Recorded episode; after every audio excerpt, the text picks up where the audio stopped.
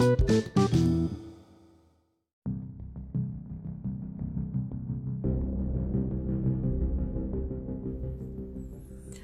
jumpa lagi dengan saya Christian Guswai.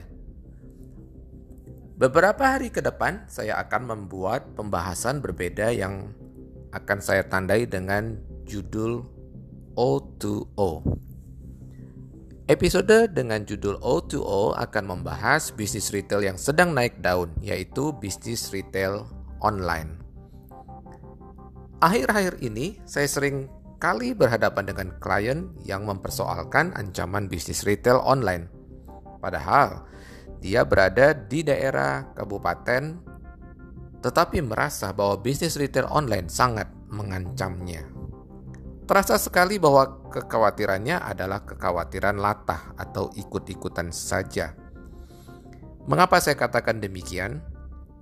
Pertama, angka melek internet di daerahnya masih sangat rendah Kedua, faktor biaya kirim di daerahnya juga masih terhitung sangat mahal.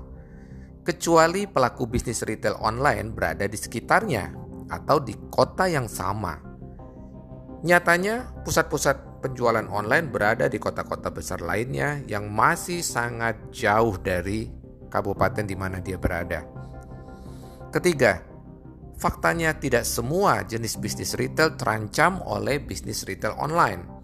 Contohnya, jika Anda bergerak di bidang retail supermarket, di mana sebagian besar barang Anda adalah barang grocery atau kebutuhan sehari-hari, maka dampak dari bisnis retail online masih sangat rendah. Menurut survei Nielsen, tidak lebih dari satu persen. Memang ada beberapa produk yang cocok dilayani oleh bisnis retail online, tetapi lagi-lagi, selain kontribusinya masih sangat kecil, faktor biaya kirim akan menjadi pertimbangan dalam harga. Belum lagi lamanya waktu tunggu sejak dipesan sampai barang diterima.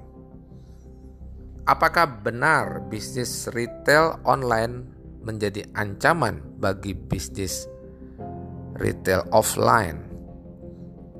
Kira-kira 10 tahun yang lalu ketika bisnis online baru muncul, ada beberapa ahli mengatakan bahwa bisnis retail offline akan menjadi masa lalu.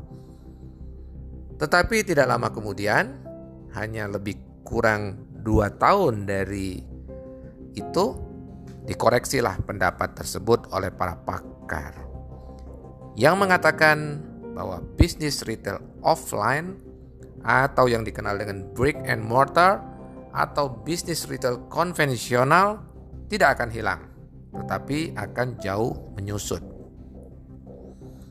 Akhir-akhir ini kita mendengar pendapat yang berbeda lagi yang mengatakan bahwa bisnis online dan offline tidak perlu dipertentangkan. Bahkan muncullah istilah O2O yang mewakili kata online to offline.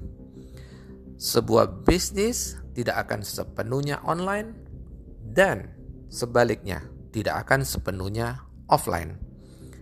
Sebagai contoh, raksasa online bisnis sekaliber Amazon.com malah membeli bisnis retail konvensional yang kemudian dipadukan dengan kecanggihan bisnis berbasis digital dan ini menegaskan bahwa online dan offline tidak perlu dipertentangkan.